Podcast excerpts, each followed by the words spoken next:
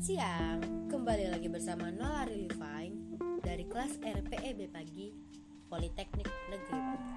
Di sini saya akan mengerjakan atau mengutarakan kritik saya terhadap contoh isu kontemporer yang berkaitan dengan wawasan Nusantara.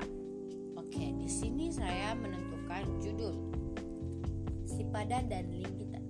Penyelesaian sengketa yang dilakukan oleh Indonesia dan Malaysia dalam menentukan kedaulatan di Pulau Sipadan dan Linggitan merupakan suatu cara penyelesaian sengketa secara damai, di mana Indonesia dan Malaysia memilih Mahkamah Internasional untuk menyelesaikan sengketa ini.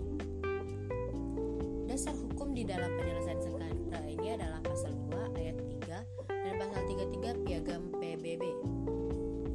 Sengketa Pulau Sipadan dan Linggitan disebabkan karena adanya ketidakjelasan garis perbatasan yang dibuat oleh Belanda dan Inggris yang merupakan negara pendahuluan dari negara Indonesia dan negara Malaysia di perairan timur Pulau Borneo.